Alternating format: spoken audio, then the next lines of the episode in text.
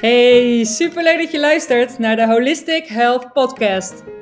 Mijn naam is Dana Hooghiemstra en ik ben holistisch gezondheidscoach, psycholoog en yoga teacher. De vraag die veel gesteld wordt is: hoe combineer ik de westerse en de oosterse genees- en levenswijze in mijn dagelijks leven voor een optimale gezondheid? Deze podcast geeft jou daar de antwoorden op, zodat jij leert jezelf lichamelijk, geestelijk en spiritueel in balans te brengen en je daar direct mee kunt beginnen. Leuk dat je luistert en welkom bij de Holistic Health Podcast.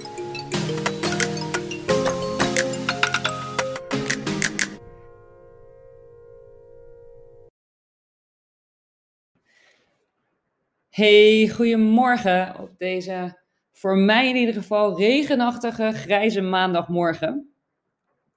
Op het moment dat ik deze podcast opneem is het namelijk maandagochtend. Waarschijnlijk als jullie de podcast luisteren is het vrijdag of misschien zelfs al later. En ondanks dat het onwijs grijs en nat en regenachtig is waar ik helemaal niet van hou, ben ik toch heel blij. En ik zal jullie vertellen waarom dat is. Ik heb namelijk een echt heel lekker weekend gehad.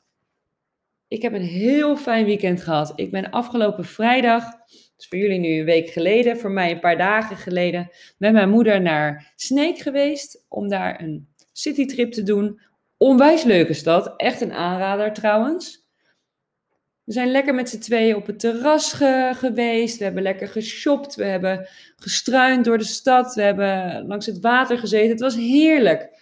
Echt lekker even verbinding gemaakt met mijn moeder, wat heel fijn was. En daarnaast ben ik, eh, daarna bedoel ik, ben ik naar de Veluwe gereden, want daar hadden mijn schoonouders een huisje in de natuur. Dus vervolgens heb ik nog eens twee dagen lang lekker gewandeld in de natuur, bijgekletst, lekker gegeten, spelletjes gespeeld. Dus ik heb een weekend gehad vol liefde en verbinding met familie. En verbinding met, met mensen, met de natuur met dieren. Want Otis was er ook mee en er waren overal vogeltjes. En voor degenen die mijn podcast over waarden hebben geluisterd, weten dat verbinding met mensen, dieren en de natuur voor mij een hele belangrijke is. Een hele belangrijke waarde is. Dus vandaar dat ik zo'n onwijs gelukkig en fijn weekend heb gehad.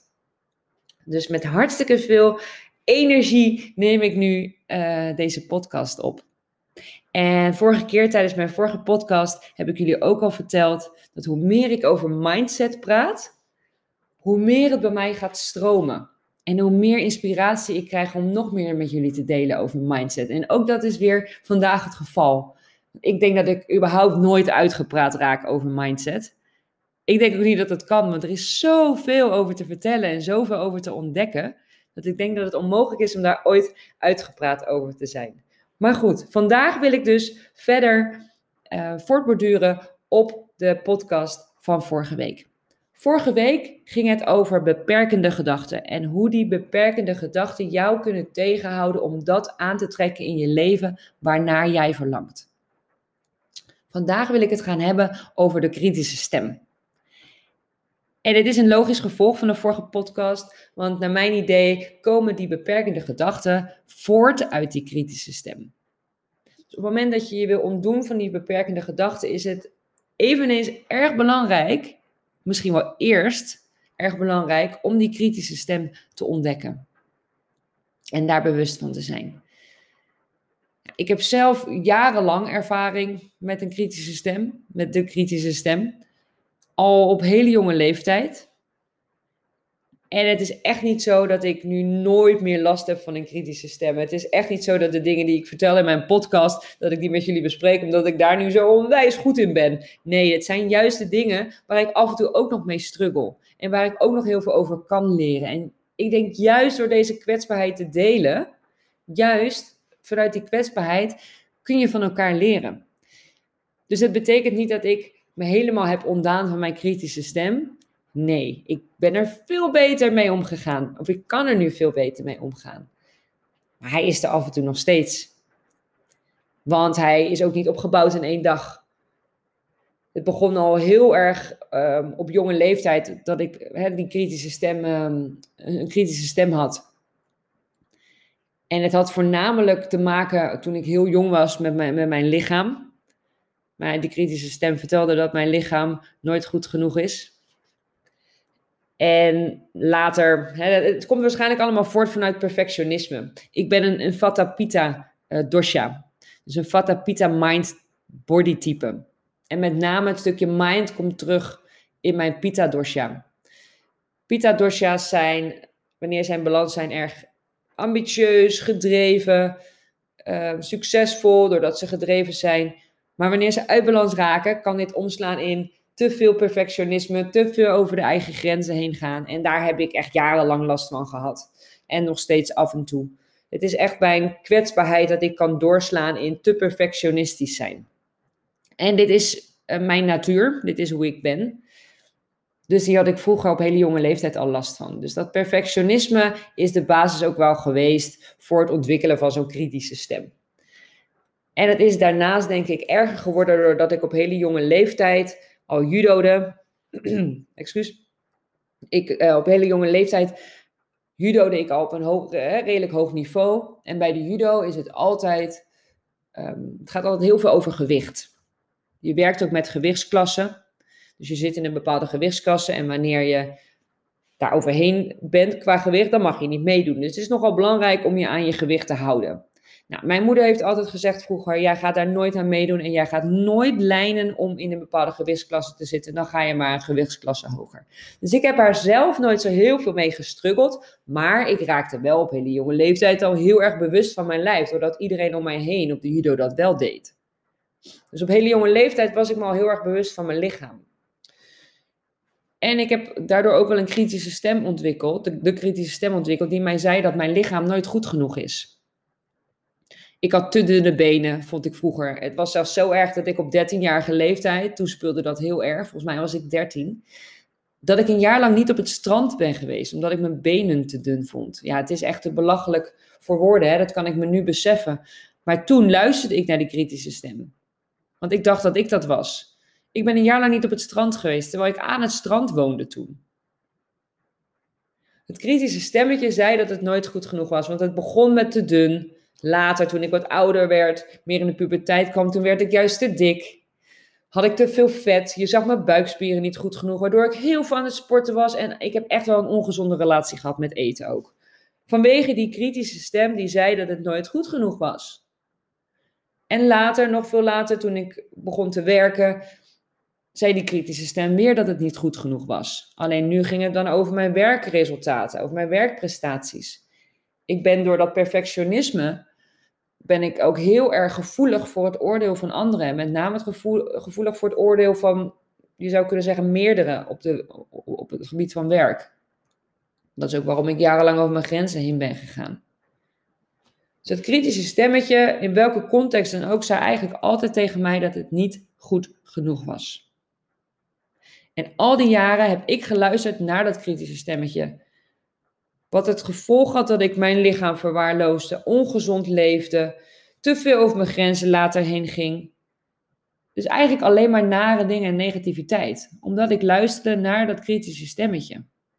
Omdat ik dacht dat ik die kritische stem was en daardoor daarnaar moest luisteren. Dat het onderdeel was van wie ik was, van wie ik ben. Maar die kritische stem is geen onderdeel van wie wij zijn. Want bij de geboorte hebben wij die kritische stem nog helemaal niet. We worden niet geboren met een kritische stem.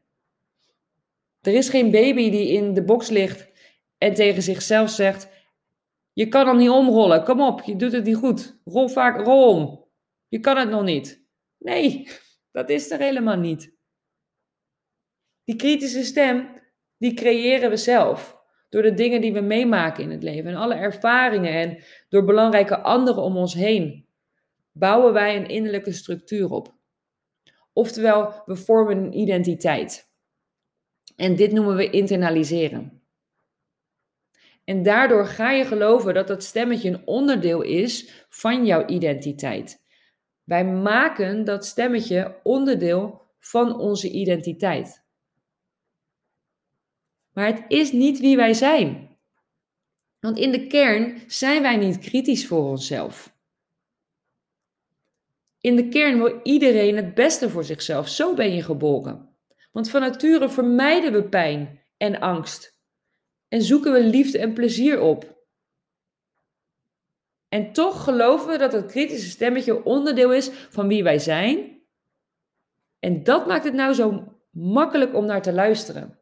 En zo moeilijk om er dus afstand van te doen.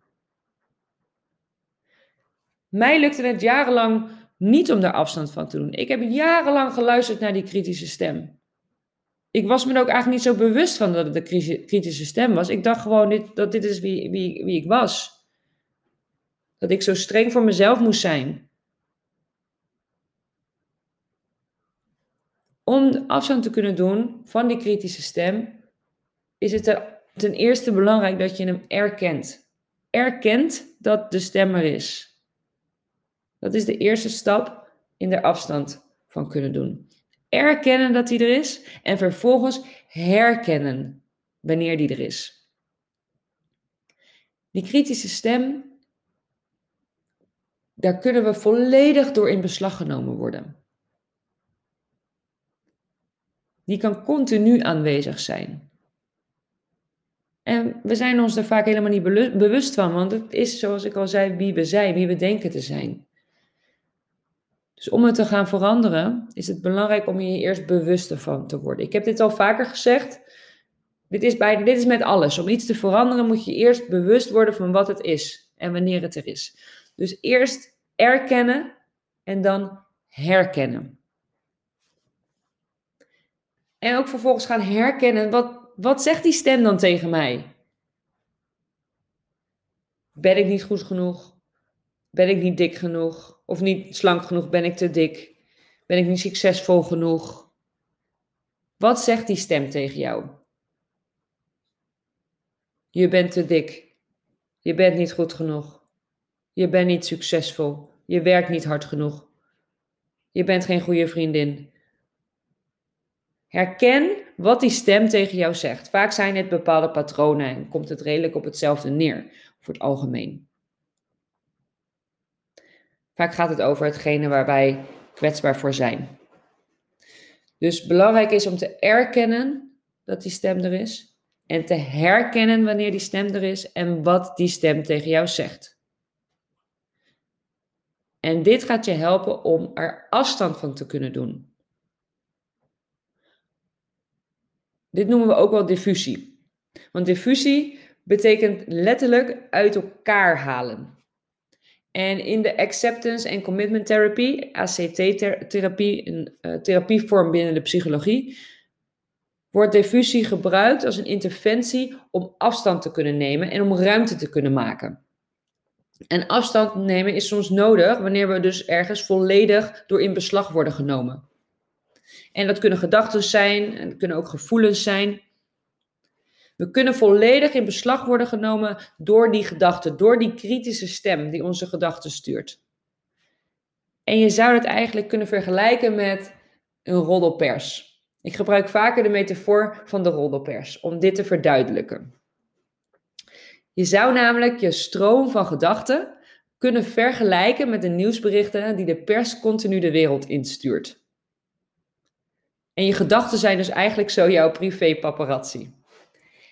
En je kunt alle aandacht richten op die paparazzi, maar dan kom je helemaal niet meer toe aan je eigen leven.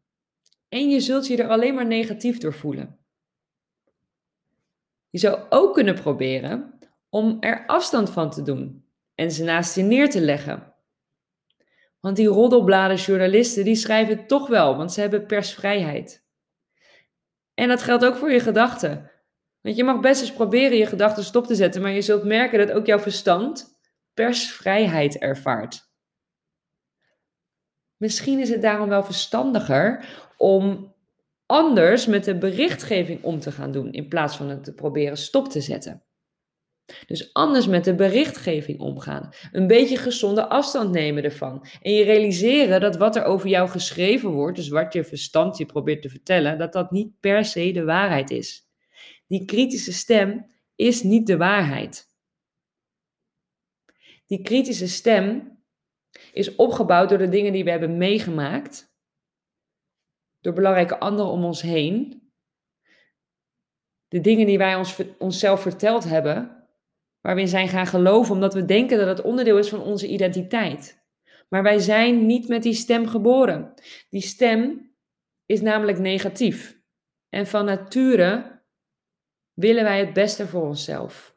Zo zijn wij geboren. We zoeken plezier en liefde op vanuit natuur en we vermijden die pijn. Dus die kritische stem is geen onderdeel van jouw identiteit. En toch kiezen we ervoor, bewust of onbewust, om te luisteren naar die kritische stem. We kunnen er zelfs door in beslag genomen worden, door die, wat die kritische stem ons vertelt.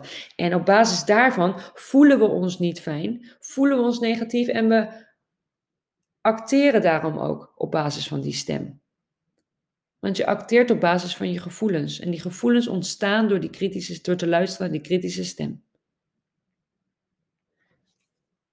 Dus als jij wilt leren om dat leven te creëren waar jij wel gelukkig van wordt en om dat aan te trekken waar jij naar verlangt, is het belangrijk om te stoppen met luisteren naar die kritische stem. Want die kritische stem brengt je niet naar datgene wat jij verlangt.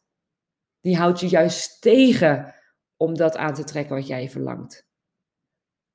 Want het zorgt alleen maar voor negativiteit. Dus om te leren afstand te doen van deze kritische stem, is het belangrijk om hem te erkennen en te herkennen en dan vervolgens er dus afstand van te gaan doen. En er zijn een aantal uh, tools, een aantal mogelijkheden om te leren afstand te nemen van jouw gedachten. Nou, misschien wel de allerbelangrijkste, of in ieder geval de, nou, degene die het meeste kan helpen daarbij, is mediteren. Meditatie is een tool bij uitstek, meditatie is een tool bij uitstek om afstand te leren nemen van je gedachten. En dit betekent niet dat als je gaat mediteren, dat dat meteen verdwijnt, die kritische stem, en dat je er meteen afstand van kunt nemen. Nee, want ook met meditatie kan die kritische stem zich aandienen. En dat, dat is niet meteen geleerd. Je bent daar niet meteen vanaf. Het is een kwestie van onwijs veel oefenen. Die kritische stem, zoals ik al zei eerder in deze podcast, is ook niet in één dag opgebouwd. Die is over de jaren heen opgebouwd. Dus je kunt ook niet van jezelf verwachten dat die kritische stem ook in één dag ontleerd is. En je kunt ook niet van jezelf verwachten dat door voor het eerst te gaan mediteren, het je meteen lukt. Nee, het is een kwestie van heel veel oefenen hiermee. Heel veel oefenen. Ik ben jaren hiermee aan de slag geweest. En nu kan ik zeggen dat ik me niet meer laat overspoelen door die kritische stem. Hij is er zeker nog. En af en toe ben ik nog een beetje geneigd om hem te geloven of ernaar te luisteren. Maar gelukkig heb ik geleerd om te erkennen, te herkennen en te leren er afstand van te doen. Waardoor ik hem niet meer als onderdeel zie van wie ik ben. Maar dit is een kwestie geweest van heel veel oefenen. Veel mediteren. En de eerste keer dat ik mediteerde, dacht ik, nou, ik heb alleen maar meer last van mijn gedachten. En soms nog wel. Als ik een onwijs drukke dag heb gehad, of een drukke week, ik heb net een belangrijk, of ik heb een belangrijk gesprek wat ik moet voeren binnenkort, dan kan het zijn als ik ga zitten dat ik alleen maar meer gedachten in mijn hoofd heb. En dat het juist niet lukt om die gedachten opzij te zetten. En vaak komt dan dat kritische stemmetje: stop er maar mee. Je kan er maar beter mee stoppen. Je kan het niet, zie je nou?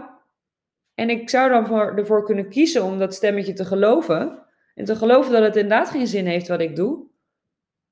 Maar dit geeft mij alleen maar negativiteit. Ik heb nu geleerd om niet te luisteren naar dat stemmetje, omdat ik weet dat dat stemmetje niet de waarheid spreekt. Dat het geen onderdeel is van wie ik ben. Dus ik herken op dat moment en ik herken op dat moment die stem. En ik doe er afstand van door gewoon door te gaan met mediteren. En ik merk iedere keer, zelfs als het lastiger is in het begin, dat uiteindelijk lukt het me steeds makkelijker gedurende zo'n meditatie om afstand te nemen van de gedachten. Die gedachten die mogen er namelijk zijn, maar je kiest er gewoon voor om geen aandacht te besteden aan die gedachten tijdens het mediteren. En wat zou kunnen helpen om dit uh, makkelijker te oefenen, is om je te visualiseren dat je omhoog kijkt in gedachten, omhoog kijkt naar een de lucht met, met wolken, een wolkendek. En dat iedere keer dat een gedachte zich aandient, jij die gedachte op een wolk plaatst. En dat vanwege de wind die wolk zo weer uit beeld met daarop jouw gedachte verschijnt, verdwijnt. Iedere keer op het moment dat een gedachte zich aandient, plaats je die gedachte op een wolk. En die wolk wordt door de wind meegenomen en verdwijnt uit beeld. En zo ook jouw gedachte. Wat op hetzelfde neerkomt, maar net een andere vorm, is je visualiseren dat je aan een stroompje zit met water. Dus aan een, uh, een stroompje in het bos. Met een bepaalde stroming. En iedere keer als jij een gedachte hebt, plaats jij die gedachte op een blaadje, op de stroom. En die gaat zo met de stroming mee en verdwijnt uit beeld. En dan dient er weer een nieuwe gedachte zich aan. En ook die plaats je weer op een blaadje in de stroom. En ook die stroomt weer bij je vandaan. En deze visualisaties zouden je tijdens een meditatie kunnen helpen om die gedachten niet per se te onderdrukken of weg te duwen. Want dan wordt het zo'n olifant in de, in, in de kamer. Dan zijn, is het er alleen maar nog meer. Dan komt er nog meer aandacht voor. Dus wegstoppen heeft geen zin. Nee, ze mogen er zijn, maar je kiest ervoor om geen aandacht aan te besteden. En daarbij kunnen deze visualisaties jou helpen. Dus meditatie bij uitstek een middel om te leren afstand te doen van je gedachten, van die kritische stem.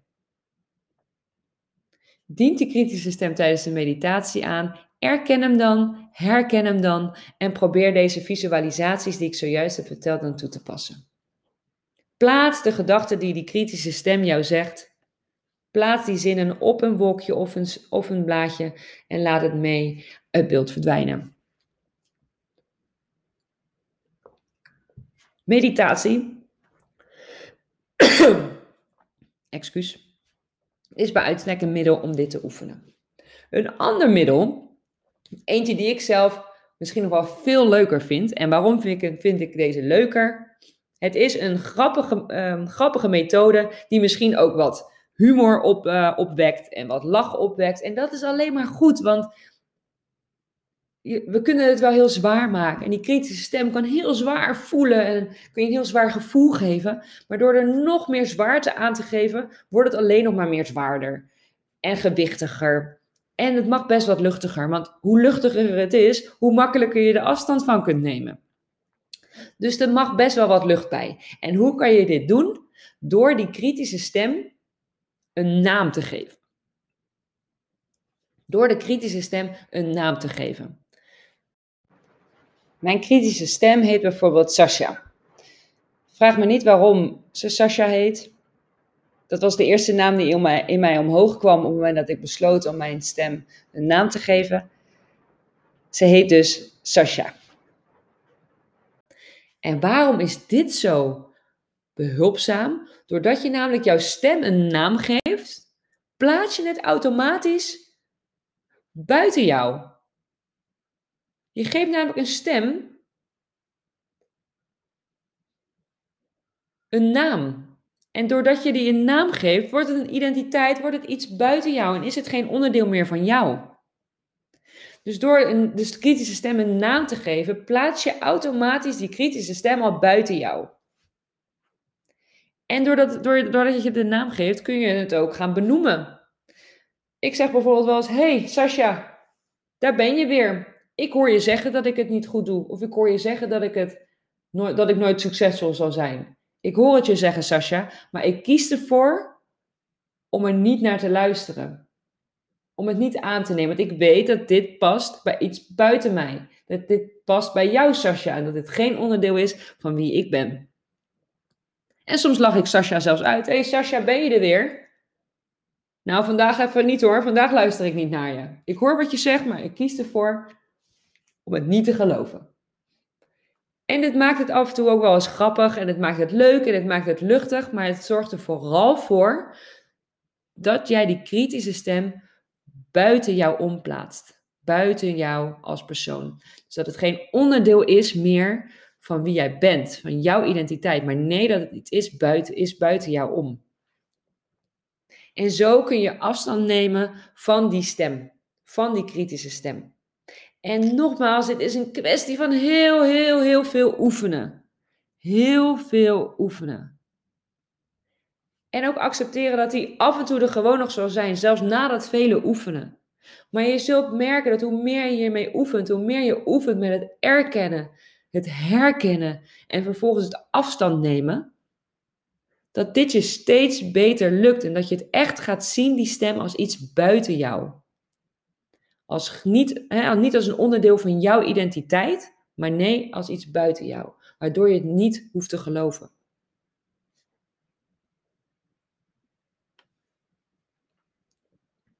En die kritische stem, die zorgt er namelijk alleen maar voor dat wij ons tegengehouden voelen om dat te bereiken wat we willen bereiken. Want als je alleen maar naar die, die kritische stem zult blijven luisteren, zul je alleen maar vanuit angst en vanuit pijn leven. En dat brengt jou niet daar waar jij graag wil zijn.